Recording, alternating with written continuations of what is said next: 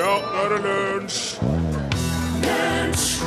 Ja, det er lunsj den eh, 4. juni, er ikke det, Grete? Kjære vene, det er jo minusgrader. Ja, det er det. Og eh, bensinprisen er i dag over 16 kroner literen. Gratulerer. Og brannvarslere, leser jeg i avisen, driver og tar fyr. Brannvarslere tar fyr, Grete. Ja. Ja. Du, eh, apropos det. Hvordan er det med printersituasjonen? Vi hadde en, et, du hadde et lite utbrudd her i går på Ja. av en litt vanskelig eh, samarbeid med en printer. Det Hvordan går det med det her nå? En oppsummering for nye lyttere. Vi har jo eh, på hele huset, som vi kaller det her på NRK Trøndelag, avdeling Tyholt, eh, fått inn nye printere. Mm. Kanonprintere. Som skal vare i fem år. Det var ikke så lenge. så er det så at det er noen som takler endring veldig bra, og så er det noen som takler det veldig dårlig. Og jeg er jo i den siste gruppen. Ja, det er ingen tvil om det. Nei. Så eh, i dag så var det noen som Det er flere stykker som har tilbudt seg å hjelpe meg med å komme og få til det med printeren her. Men dessverre så har jeg glemt igjen lommeboka mi, som har adgangskortet mitt, som inneholder den derre chipen som gjør at man eh, vifter den over printeren, og så skrur printeren seg på. sant? Så nå har jeg bestemt meg for følgende, at nå kan det være det samme. Ja. Nå skal jeg klare meg uten printer. Jeg skal jobbe i NRK i fem år til. For da har jeg jobba i NRK i 25 år, og da får jeg ei klokke. Og da skal jeg gi meg, og fram til da så skal ikke jeg skrive ut en utskrift mer. Nei. Og det er bra for alle, vet du. Win-win, for det er bra for NRK, det er bra for miljøet, og det er bra for meg. Så nå er det slutt. er du sikker på at det så bra for deg? Hvorfor blir det Hvis den jævla printeren her tror at den trenger meg mer enn jeg trenger den, så har den misforstått veldig mye. Og jeg vet, at, jeg vet hva det her blir. Det her blir en utmattelseskrig. Sant? Og den, den Hver gang jeg går forbi den, så står den og venter på meg og vil at jeg liksom skal gå bort og stryke den litt og si 'Kom igjen, da. Jeg har lyst til å skrive ut noe papir på LL', sjø. mm. Men det kan den bare glemme. Ja. Hvis den printeren triller inn til meg og sier 'Are, jeg beklager'. Jeg skal gi deg alle de utskriftene du vil, og jeg skal ikke være så vrang og vanskelig og bruke så lang tid på å bli varma på alt det her. Nå skal du få skrive ut hva du vil, fargebilder og alt. A3-format og you name it. Men fram til da så kan det være det samme. Jeg klarer meg uten. Jeg trenger ikke printeren her, jeg. Nei, åpenbart ikke.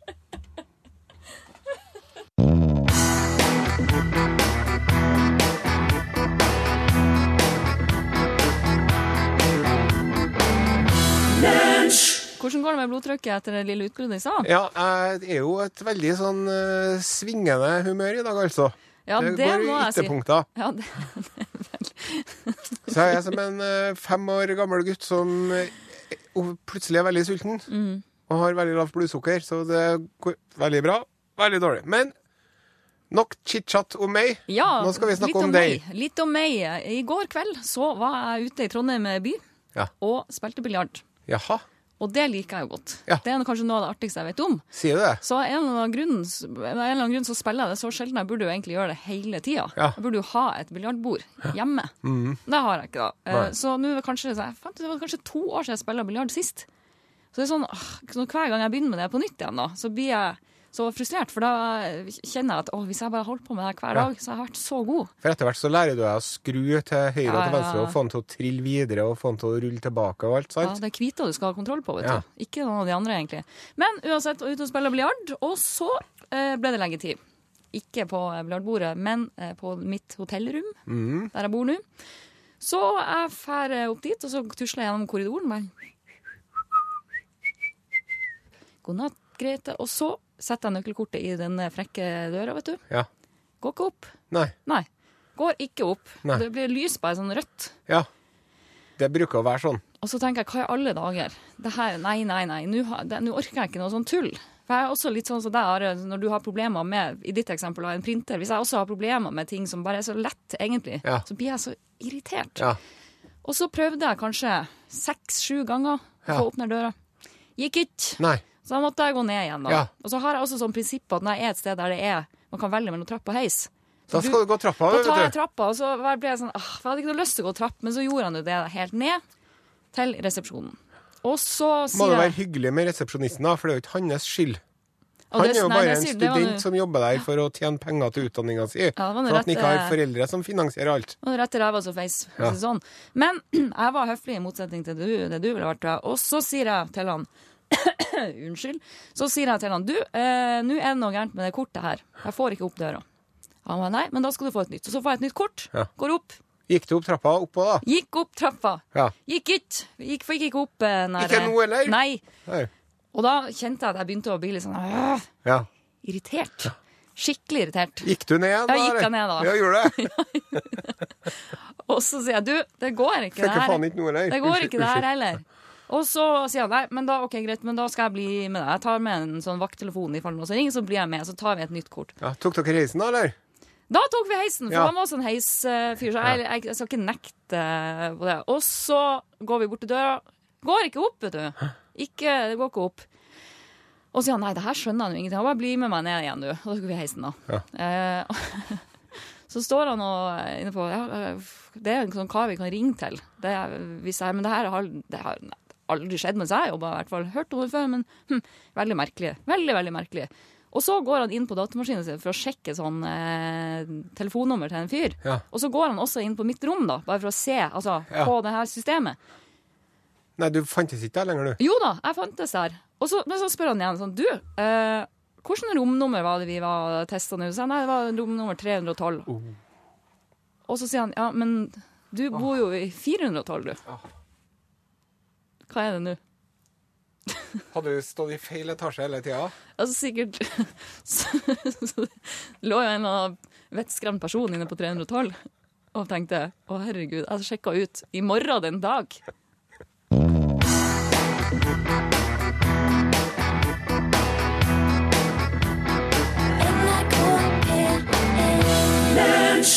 Eh, nå skal jeg fortelle dere om eh, noe som skjedde under den første verdenskrigen. Ja takk. For jeg er veldig opptatt av den første verdenskrigen for tiden, sjø. Jaha. Så jeg driver og både leser om den og hører på podkast om den og alt mulig. Så jeg er for tiden et veritabelt oppkomme av eh, første verdenskrig-anekdoter. Så bra. Og det som var, vet du, at når den eh, første verdenskrigen begynte, da drev de jo og rei, kavaleriet rei inn i strid. Bare for å sjekke at du sitter inne med kunnskap om hvilket år er vi i nå. Ja, det er 1914, da. Nettopp. Og de hadde på seg de, Det franske militæret hadde jo røde bukser, for eksempel. Det, det, kamuflasjeuniform det var ikke noe særlig, for det det, var- ikke sexy nok, liksom. Nei, nei. De hadde på seg røde bukser og hvite hansker. Og offi- offiserene hadde hvite hatter. og ingen som brukte hjelm, for eksempel. Je suis français. Ja, hjelm det var femi og faked og sånn. Ja. Eh, og så var det sånn at det, også, det, å, også det å holde seg nede i skyttergraven under eh, de første slagene, det, var også, det ble også ansett som veldig fake, da. ja. Og når du i tillegg kunne se hvem som var offiserer, for at eh, de med hvite luer og hvite hansker, så døde veldig mye offiserer til å begynne med. Og mye andre folk òg. Og så var det sånn at i England, vet du, så har de De har ikke vært noe stor på sånn generell verneplikt, sånn som de hadde i Tyskland og mange andre land. Nei, Så de var kanskje ikke så gode på akkurat det der. Nei, men de hadde en del veldig bra soldater som faktisk har drevet og kriga litt nede i Afrika og litt rundt omkring og drevet og slåss med folk. Og da var det sånn Vi har, vi har maskingevær, og de har ikke. Så det var en veldig sånn hyggelig eh, beskjeftigelse eh, fram til første verdenskrig. Men folk fikk seg en eh, kalddusj, da, for at det var helt forferdelig. Men i hvert fall så var det så at I England så hadde de som sagt ikke verneplikt, så etter hvert som det døde mange hundre tusen soldater nede i Frankrike og sånn, så måtte de jo prøve å få folk til å melde seg inn i militæret. Og da var det en, eh, en admiral, da, Charles Fitzgerald, han fant på noe kjempelurt. Og det var eh, Han oppretta en orden som de kalte for Den hvite fjærordenen. OK? Eh, For eh, en hvit fjær har eh, lenge i England vært symbolet på feighet. For at når man driver med hanekamp, så er det visstnok sånn at en, en hane som har en hvit fjær, han er litt mer pinglete enn de andre hanene som ikke har det. Aha. Og det som han eh, fikk eh, damer til å gjøre, da, fikk kvinner til å gå bort til menn som de så på gata, som ikke var uniform, og så ga de dem en hvit fjær. Og så kalte de dem feiging og spurte hvorfor er ikke du har slåss, og er du ikke glad i landet ditt, og kom igjen, og du burde ha skamme deg, og alt mulig sånt. Og det var helt forferdelig for folk, det der, vet du, for at hvis de var ute og gikk sammen med kjæresten sin, eller mora si, eller hjembyen sin, sånn, så kom det folk og bare hetsa fælt, da. Det var veldig mange som bare rett og slett De takla ikke presset, så de gikk og verva seg på grunn av det her. Og det var jo en gutt som var Han var ute og gikk eh, tur på gata med kjæresten sin, og så var han 16 år, da. Og så kom det noen og begynte å hetse han for at han ikke var i uniform. Og så for han og skulle verve seg, men så var han jo ikke gammel nok. Nei. Og han var jo ikke høy nok, og han veide jo for lite. Så måtte han lyge på både vekta og høgda og alderen sin, og så kom han seg inn, og så ble han jo sendt til skyttergravene, og det var jo et mareritt vet du, å være med på det der, da. Hvordan gikk det med han, vet du det? Akkurat jeg husker ikke hvordan det gikk med han, men eh, det er veldig, veldig mange som døde når de var da, for det var jo eh, helt forferdelig. Men så var det også sånn vet du, at etter hvert så var det jo sånn at soldatene var jo hjemme på perm, og for og gikk i, gata, og så kom de og ga dem en hvit fjær, enda du var jo soldat, og Ja. du var jo ordentlig, vet du. Så var en, eh, som det står om her på internettet, han, han eh, menig Ernst Atkins, han satt på toget og leste ei bok, så kommer det sånn busy, ja, blander seg en dame og begynner å gi henne ei hvit fjær, vet du. Og da tok han og slo henne over ansiktet med boka si. Og så sa han jeg skal ta med den fjæra di tilbake til guttene på, Ja. ved fronten, da. Ja. Så kan du Og så var de, de var så ivrige, vet du. Det var ei dame som gikk bort til en mann i en park i London og spurte hvorfor er ikke du i krigen, og her er hvite fjæra. Hvorfor er ikke du inni hæren? Jo, det er fordi jeg er tysker, sa han. Ja. Ja. Skulle spurt det samme tilbake, hvorfor er ikke du i krigen? Ja, nei, de eh, var jo ikke det, for det var jo Ja, ja, jeg skjønner jo det. Dere jentene fikk jo ikke stemme eller noen ting på den Nei, tida. er sant. Hm. Men hvite Ja. fjær, det fikk vi dele ut. Sånn er det. Kan være veldig glad sammen for at vi ikke er i fronten Mm. under første verdenskrig, altså. Det han, han eh, sin beskrivelse av mordor. Ja. De mener at det er ifra de slagmarkene der. For at det var bare, alt var bare sprengt, og det var jo øh, ja. Spooky.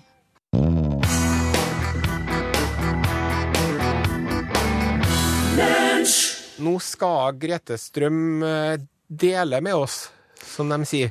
Ja, siden jeg allerede har eh, sagt hvor dum jeg kan være Mm. en gang i dag, så kan jeg bare fortsette, tenkte jeg. Ja, det er utrolig. Det er helt utrolig. Jeg var på ferietur, eh, ikke hvor som helst, men i Japan. All verden, der har jeg så lyst til å dra sjøl. Vet du hva, det anbefales. Det Ja. er faktisk det kuleste landet jeg har Ja, vært i noen gang. spiste du mye god mat, vil jeg tro. Spiste utrolig mye bra mat. Ja.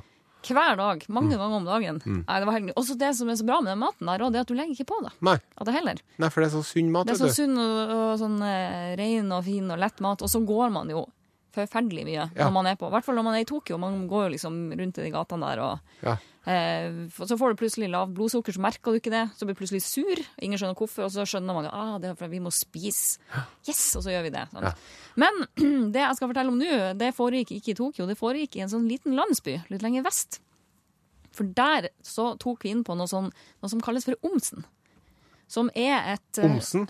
Onsen, ja. Onsen. Onsen, som er et badehus. Ah, ja. japansk badehus. Og sånn som det her foregår, det er sånn eh, ofte separat, altså kvinner og menn. Og så kommer du inn i det badehuset, og da eh, er det for, forskjellige speil. Altså det er speil på veggen. Og, og eh, bak de speilene så, da, så er det da stoler plassert. Nei, krakker som du skal sitte på. Og så skal du sitte der, og så skal du vaske deg og dusje og sjamponere deg og sånn. Og etter du har gjort det her, blitt rein og sånn, så Da skal, du, du til bassenget. da, Ja, og det er ikke et basseng heller. Nei. Det er mer en sånn uh, kulp eller noe sånt Ja. på inns altså innendørs, da, Ja. ofte. Så tenkte jeg det her, det her skal jeg jammen prøve, for det her er sånn skikkelig japansk eh, opplegg. Det her må jeg gjøre, Ja. og bli en del av eh, denne kulturen her. Så uh, jeg finner da på uh, rommet en sånn badekåpe, sånn, eller kimono var det vel egentlig, sånn japansk sak. ja. Ja. Og sånne fine sånne små tøfler som de har der, som du bare smetter på foten. Ja. Og så lå det jo sjampo, balsam og hårbørste, alt det der. Og så lå det også så en sånn pimpstein Ja. på bordet. Ja. Og det, yes, så det er kjekt, sånn, sånn for å skrubbe vekk døde hudceller med. Defoliating uh, body scrub-stain. Rett og slett for å øke blodomløpet og liksom få friska opp litt sånn. Så tar jeg med den her og går inn på det her badehuset, og der sitter jo da på rekke og rad sånn flotte japanske damer Ja. på de her små krakkene allerede. Og de driver og steller seg og dusjer og alt det. Gjør seg klar til å hoppe i det her eh, kulpen, da. Ja. Og jeg gjør det samme. Setter på vannet. Og så kommer jeg på den her pimpsteinen. Det skal jeg Nå skal jeg, skal jeg skrubbes skikkelig før jeg hopper i den her, eh, det bassenget her. Ja. Tar fram steinen, og så begynner jeg liksom å sånn På låret, tror jeg. da. Sånn, på sida her. Og så Det som er med Japan, og det, de har jo en helt annerledes kultur enn det vi har. Og de sier jo heller ikke fra når man gjør noe feil. Nei. Men jeg merka egentlig ganske fort sånn i sidesynet at de der ja, damene som satt der, de så veldig rart på meg nå. Ja. Sånn, hmm. Ikke sånn direkte, men det var sånn at jeg skjønte at OK, nå Du kjente en endring i stemninga, liksom? Det var et eller annet sånn at de seg imellom tenkte sånn, hva er det hun holder på med, hun som sitter borte? Hva ja. Men eh, jeg kan ikke japansk, og jeg torde ikke å snakke med dem heller, for de snakka ikke så mye med fremmede sånn generelt. Så jeg ja, ja, tenkte, fortsatt bare å skruble litt, og nå var jeg liksom kommet kanskje til opp på armene og på brystet. Og sånn her. Og da skjedde det noe veldig rart med den der pimpsteinen. Ja. Plutselig så begynte den liksom å gå i oppløsning, på en måte. Ja. Um, ble litt sånn fuktig og rar, og så lukta den litt sånn rart òg, syns jeg. ja. Så tenkte jeg, hva i alle dager er det her? Så til slutt så var det nesten ikke noe igjen av den pimpsteinen, så jeg måtte bare kaste resten. Ja. Og så bad jeg i lag med de her damene, og tørka meg. Jeg merka liksom hele tida at de var liksom, holdt seg litt på avstand. Ja. Syns jeg var litt sånn rar. Men de er jo veldig skeptiske til europeere og mener jo at eh, vi har stor nese og store føtter, og at vi er veldig sånn barbariske og uhøflige og alt mulig sånn. Så det var jo kanskje, Ja, så kanskje, kanskje, sånn med alle. ja, kanskje jeg tenkte at det kanskje de aldri har sett ei blondine før, tenkte jeg.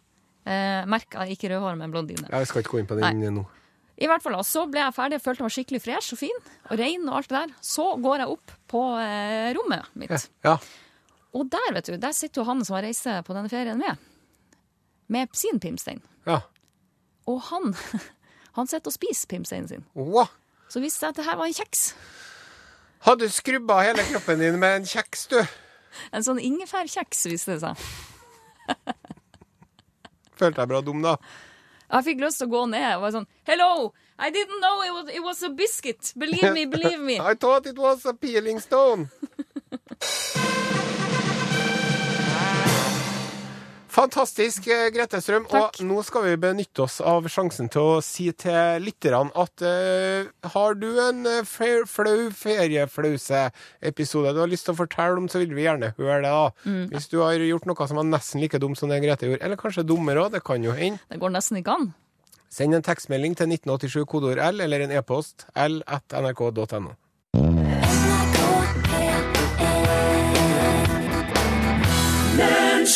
Det var Marilyn Monroe det, som sang I Wanna Be Loved By You. Og hun er jo har, blitt sagt om hun at hun ikke var så veldig flink å synge, men jeg er ikke enig i det. Jeg syns det var Nei, fint. synes det var kjempefint, jeg òg. Ja.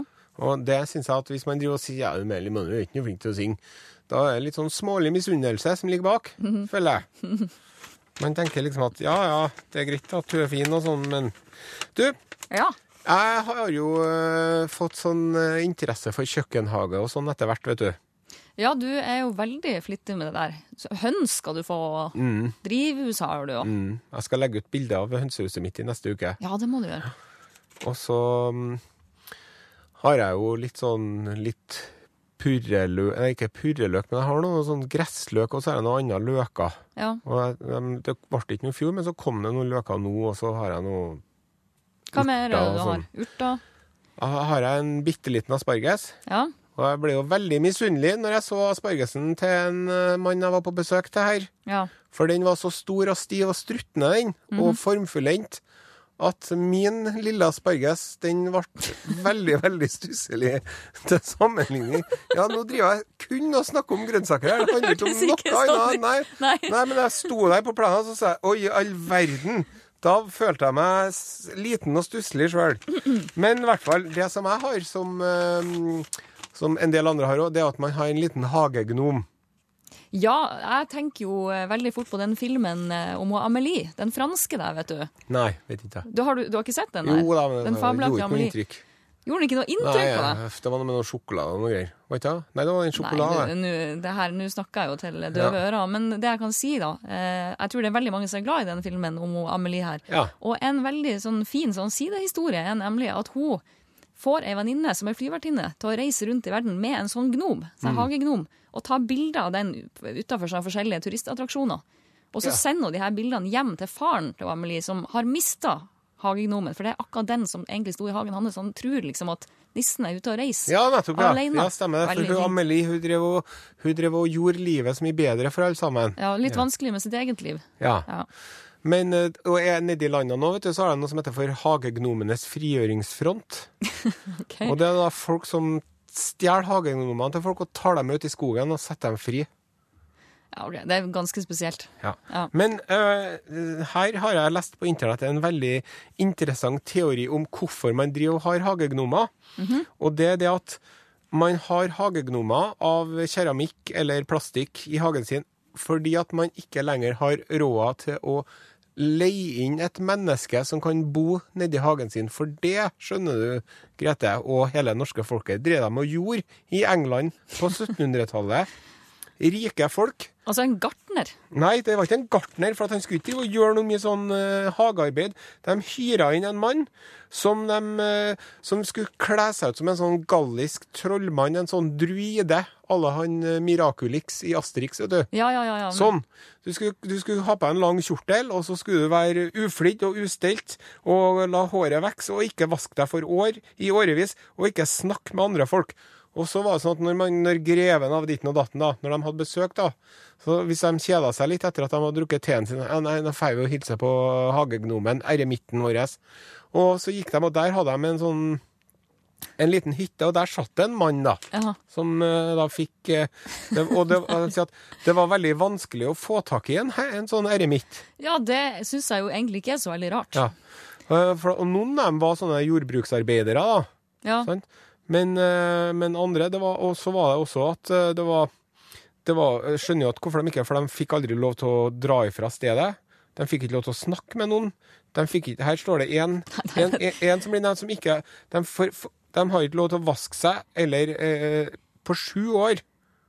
Men må la hår og negler gro. Men, men du, jeg, bare, jeg må bare spørre, er det, er det her virkelig sant? Altså, Er det reelt? Var det sånn? Jeg har lest det på internett og velger å ta det for god fisk sjøl. Ja, selvsagt. Men hvis de eh, fikk så godt betalt for det her, Mm. hva, hva skulle de egentlig bruke de pengene de fikk på, hvis de ikke fikk lov til å fære derifra? Jeg tror ikke de fikk så godt betalt. Så. Så kanskje de måtte liksom De tenker at OK, jeg tar sju år som herremitt nå. Herremitt. Ja. Kanskje jeg da har nok penger til å liksom holde meg med neper i Ja, et sånn, et år eller noe. Det er et stort offer, må jeg si.